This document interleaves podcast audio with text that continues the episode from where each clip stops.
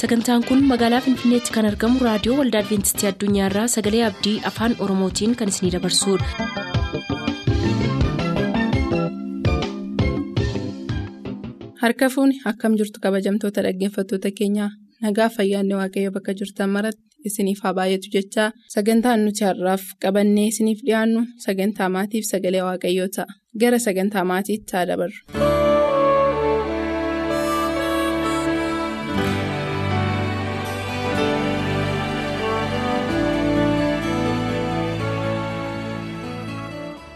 Nagaan waaqayyo waaqa jiraataa iddoo jirtan hundumaatti isin haa ga'uuf jechuun jaalladhaa akkam jirtu dhaggeeffattoota raadiyoo adventistii addunyaa sagantaa maatii jalatti guyyaa har'aa immoo kan qabannee isin dhiyaanne mata duree maatiin qaban keessatti mata duree adda addaa irratti kan dubbachaa akka turre yaadatama inni guyyaa har'aa qabannee dhiyaanne immoo abbaa manaaf haadha manaa walitti dhufanii bultoo jaarratan gidduu walii amantaan jiraachuu.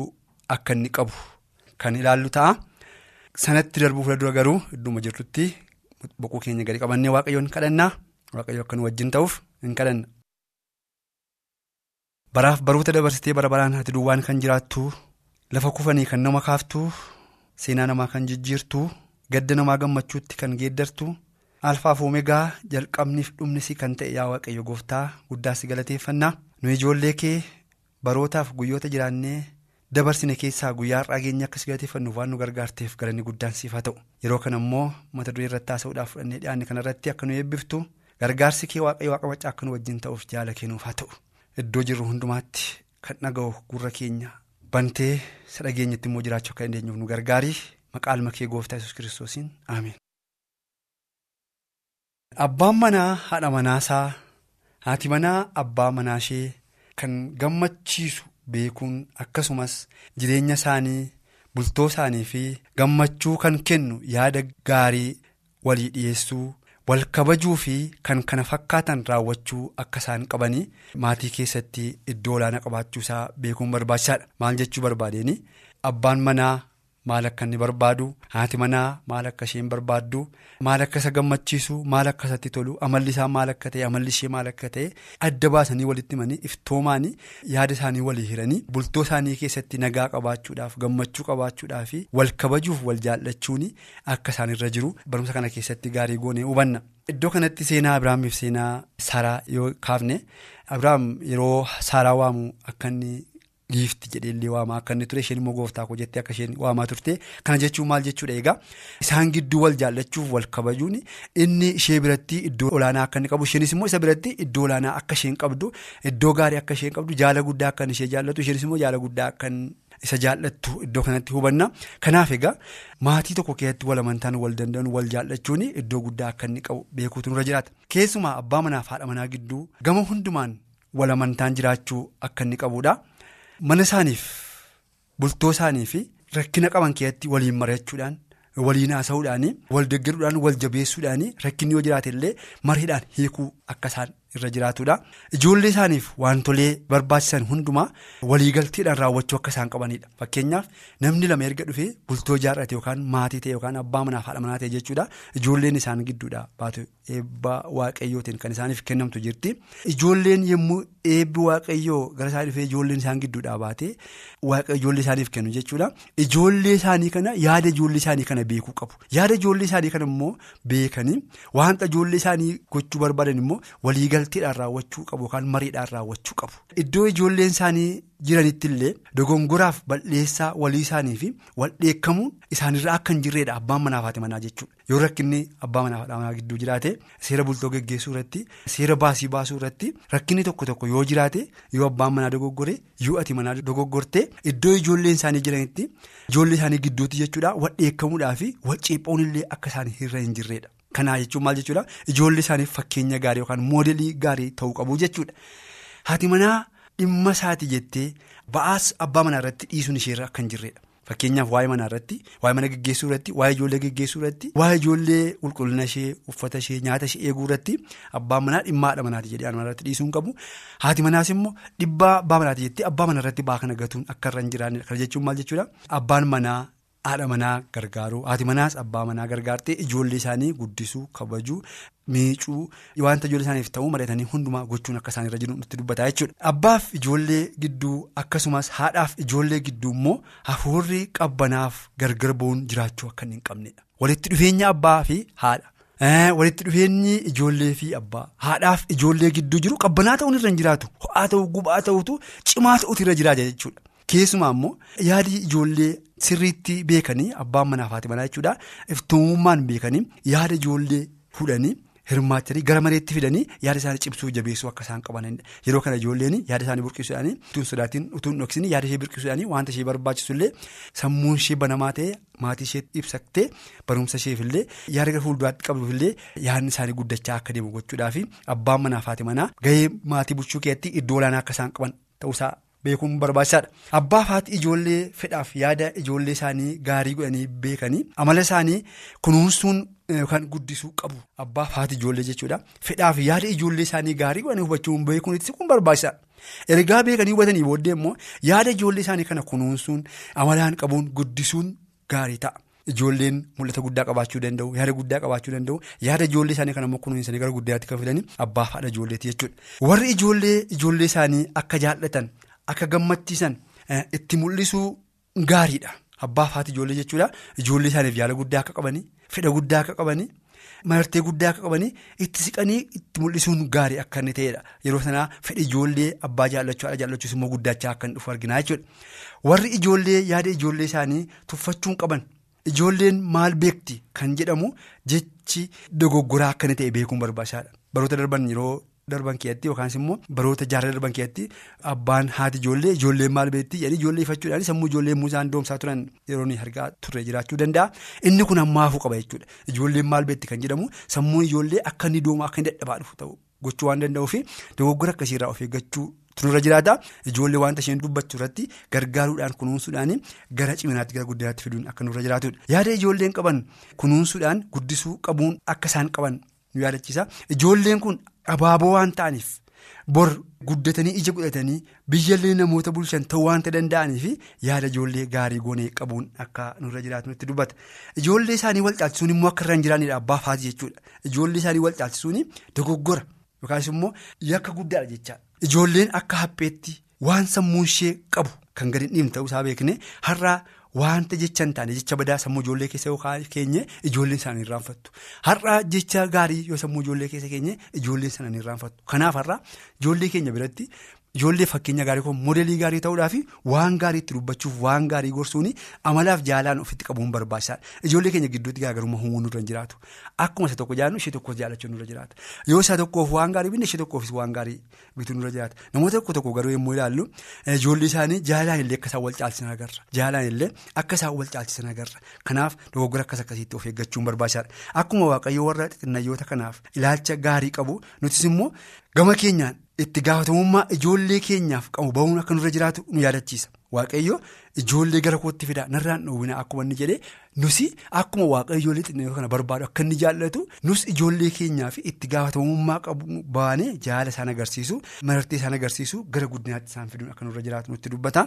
Meheertuu iddoo tokko dubbifannaa Paawuloos gorsanni warra Efesoonii barreesse tokko dubbifannaa Efesoon boqonnaa jaha lakkoofsa afur irratti jechi kun maal jedhaa isinis immoo abboota nanaa adabaaf barsiisaa gooftaatiin ijoollee keessan guddisaa malee isaan aarsuudhaaf isaan hin tuttuqinaa jedha adabaaf barsiisaan gorsaan itti dhiyaadhaa malee dubbattanii wanta isaan aarsu dubbachuudhaan aarii aarsuudhaan tuttuquudhaan sammuu isaanii hin adoochinaa jedha. Kanaaf egaa ijoollee keenya yoo isaan dogoggoran illee gorsuudhaan amalaan itti dhiyaachuudhaan jaalaan itti dhiyaachuudhaan gara qajeelchuutti gara guddisuutti gara gaarummaatti fiduudha malee gara ifachuutti gara karaarraa jal'isuutti gara sammuu isaanii rukutuutti deemuu nurra hin jiraatu jechaadha.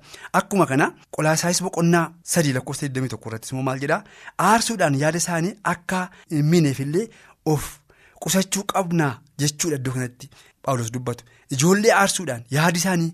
Sammuun isaanii amileen isaanii akka hin miidhamnee fi yaadni isaan keessa jiru akka rukutamnee fi aarsuurraa of qusachuu qabna ijoollee keenya yookaan mana keenya keessatti waliigaltee nagaa gammachuu fiduudhaaf ijoollee keenya jaalalaan qabuun kunuunsuun barbaachisaa akka inni ta'edha. Kanaaf egaa mata duree abbaa manaa fi haadha manaa gidduutti wal amantaan jiraachuu qaba isa jedhamu keessatti waan gochuu isaan irra jiraatu baasii mana isaaniif baasan keessatti iftoomaan waliigalteedhaan mareedhaan ta'anii kun kanaaf barbaachisaa kun immoo kanarra ooluutu irra jira jedhanii waanta qaban hundumaa ifaaf. Iftoomummaan waliin mari'atanii mana isaanii nagaan geggeeffachuutu irra jiraata.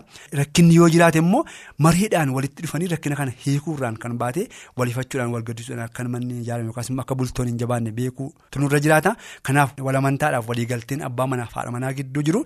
Bultoo mana isaanii geggeeffatan keessatti iddoo olaanaaf guddaa qabaachuu akka irra jiraatu beekanii haati manaas abbaan manaas mana isaanii keessatti wal jaalaan wal kabajuudhaan wal amanuudhaan bultoo isaanii geggeeffachuudhaan mana isaanii keessatti. eebba nagaa gammachuu qabaachuun akka isaan irra jiraatu barumsi keenya irraa gaarii go'ee nu barsiisa kanaaf kanarraa waan guddaa akka baranne beeknee waan hundumaa immoo jilbaa kiristoos jala teenye kana caalaatti afur qulqulluun immoo akka nu barsiisuu fi yaadaaf qalbii keenya hundumaa gara waaqayyootti namoota deebisan akka taanuuf gara waaqayyootti deebinee maatiinis jireenyi keenyas bultoon keessa akka eebbifamu namoota akka taanuuf waaqayyo nu gargaaru barumsa keenya irraa asuma irratti hin dhaabna.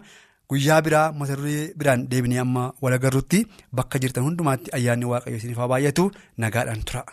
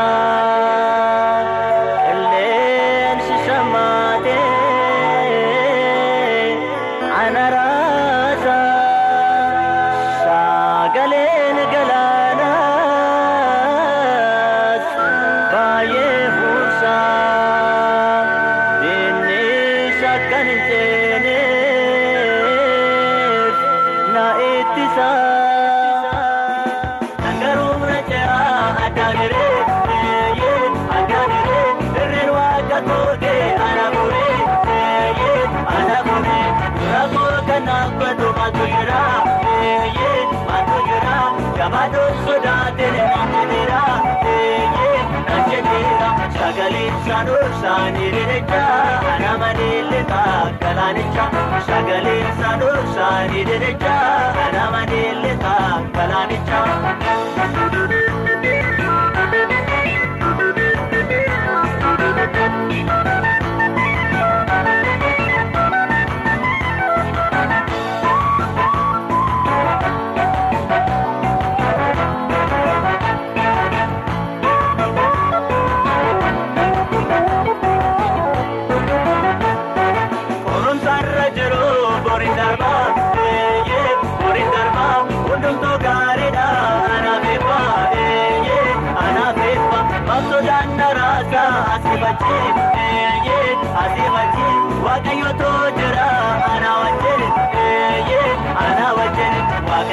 kan kooti anis kansaa eenyuta harka isaati ana baasa waaqayyo kan kooti anis kansaa eenyuta harka isaati ana baasa.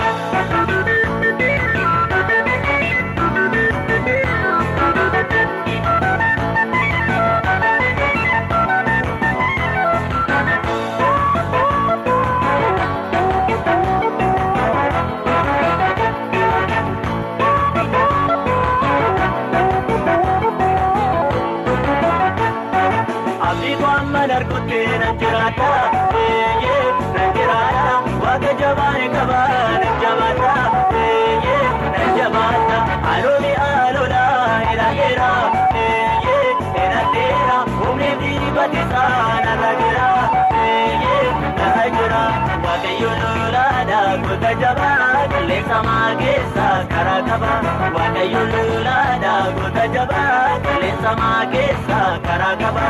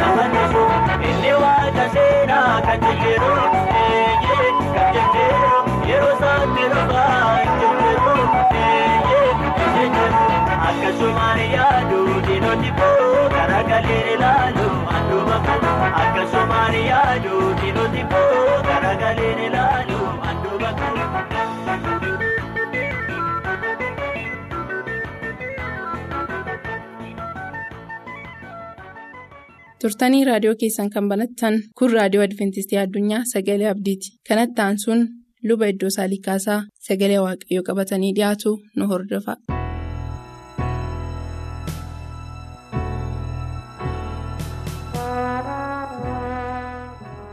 Akkam jirtu kabajamoota dhaggeeffatoota sagalee abdii waaqayyootti kan jaallatamtanii nagaan isiniif maatii keessaniif haa ta'u yeroo kana waliijjiin kan nuyi barannu sagalee dubbii waaqaa keessaati mata dureen isaa kan jedhu ogummaan bu'aa guddaa qaba jedha.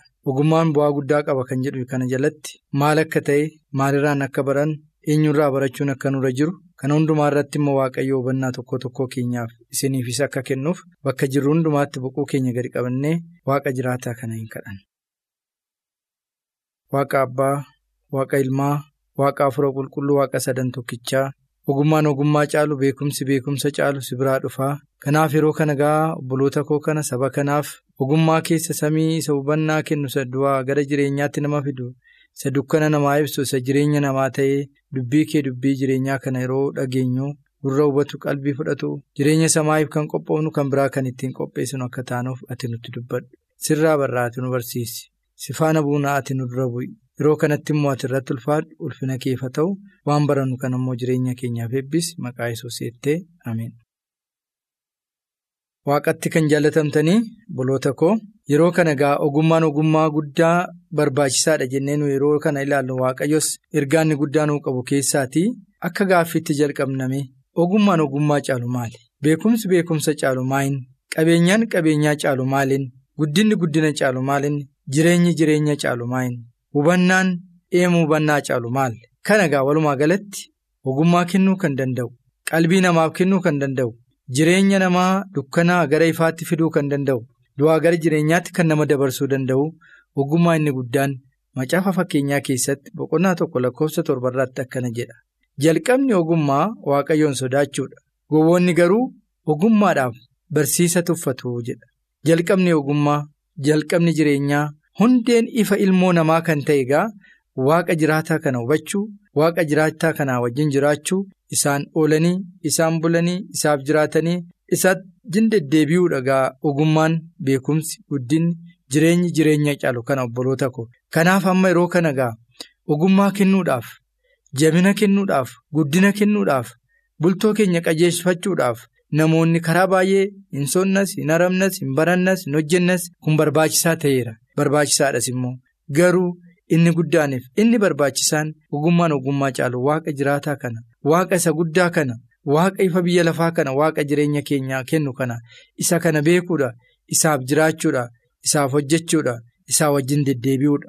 Kanaaf hubannaa hubannaa argachuuf guddina guddina argachuuf jireenya jireenya argachuuf yoo feene egaa gara waaqa kanaa ilaallu. Gara waaqa jiraataa kanatti deebinu yoo ogummaan jiraanne yoo beekumsa qabaanne yoo ittiin hojjenne yoo ittiin jiraanne inni isa ardii kanaaf isa biyya lafaa kanarra darbeeyyuu jireenya samiitiif illee nu qopheessa. Akkana jedha macaafa fakkeenyaa boqonnaa afur lakkoofsa 23 irratti kana gaarii gootanii qabadhaa. Macaafa fakkeenyaa boqonnaa afur lakkoofsa 23 irratti wanti jireenyaaf barbaachisu yaada garaa keessaa waan ba'uu fi yaada kee ba'eessa godhiitii eeggadhugaa jedha. Wanti jireenyaaf ta'u wanti guddinaaf ta'u namni har'a nan guddadha jedhee yaadanni kan inni baafatu ofiisaa keessaa kan inni biqilchatu wanti jireenyaaf barbaachisu hundumtuu yaada namaa keessaati kan burqitu. Burqaan jireenyaa kan ta'e kun nan guddadha jennaan guddina argachuudhaaf waaqayyo nama guddisuudhaaf karaa qaba.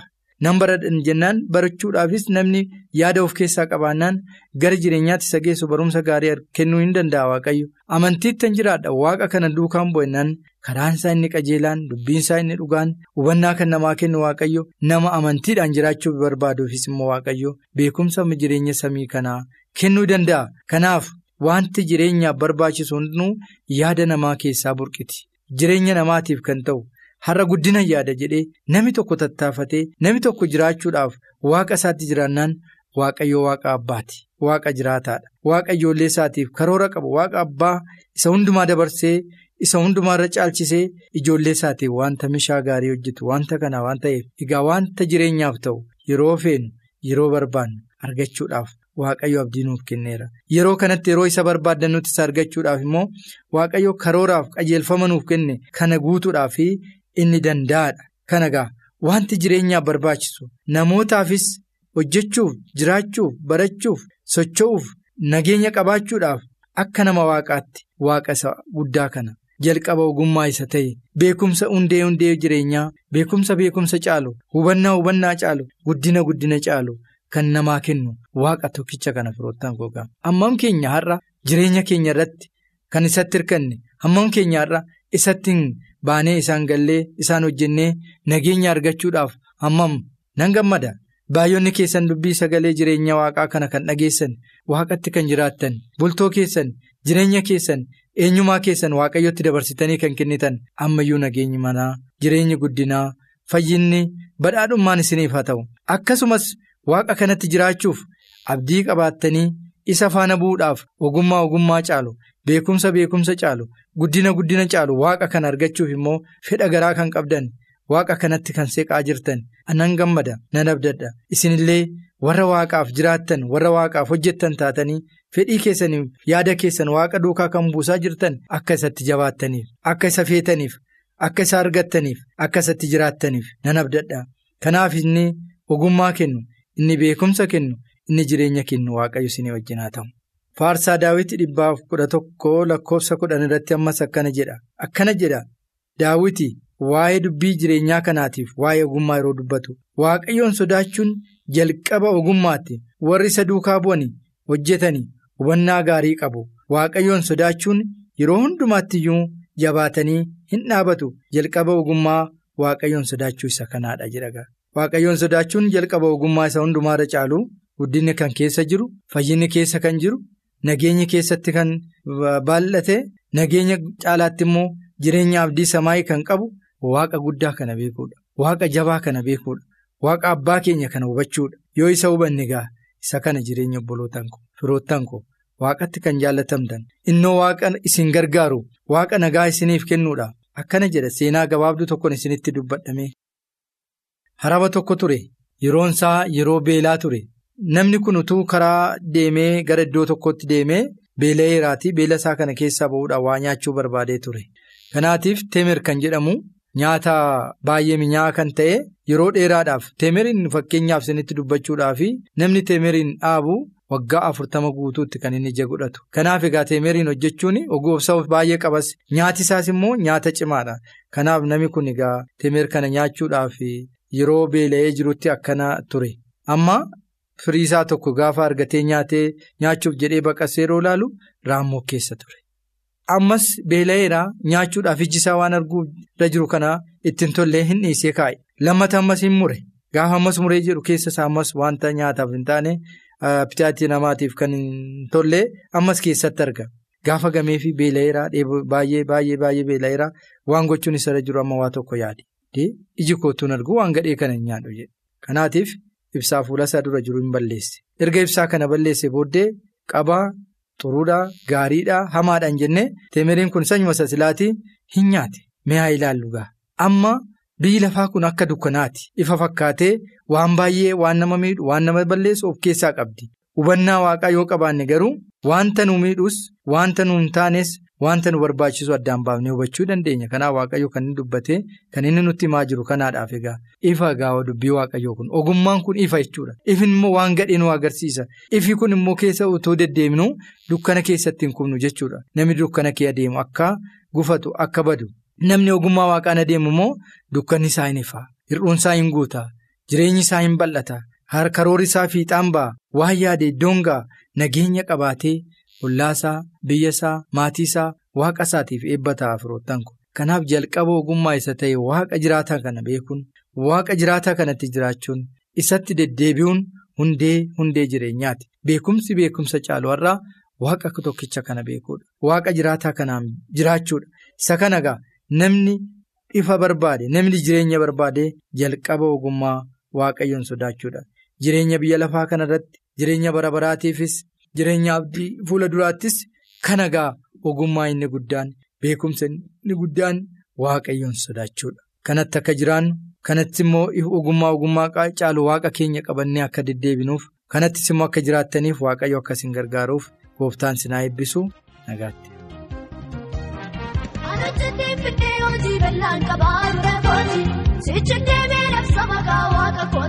Inni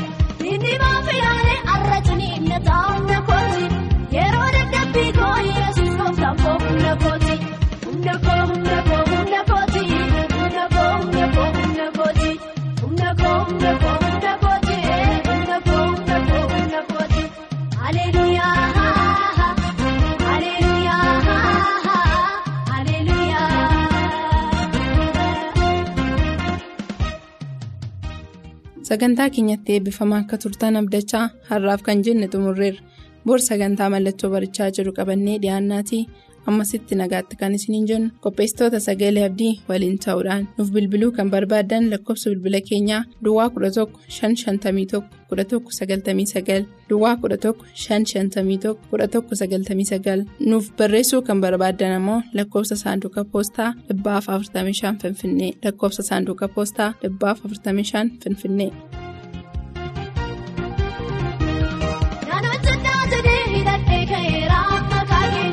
Inni koo gooftaa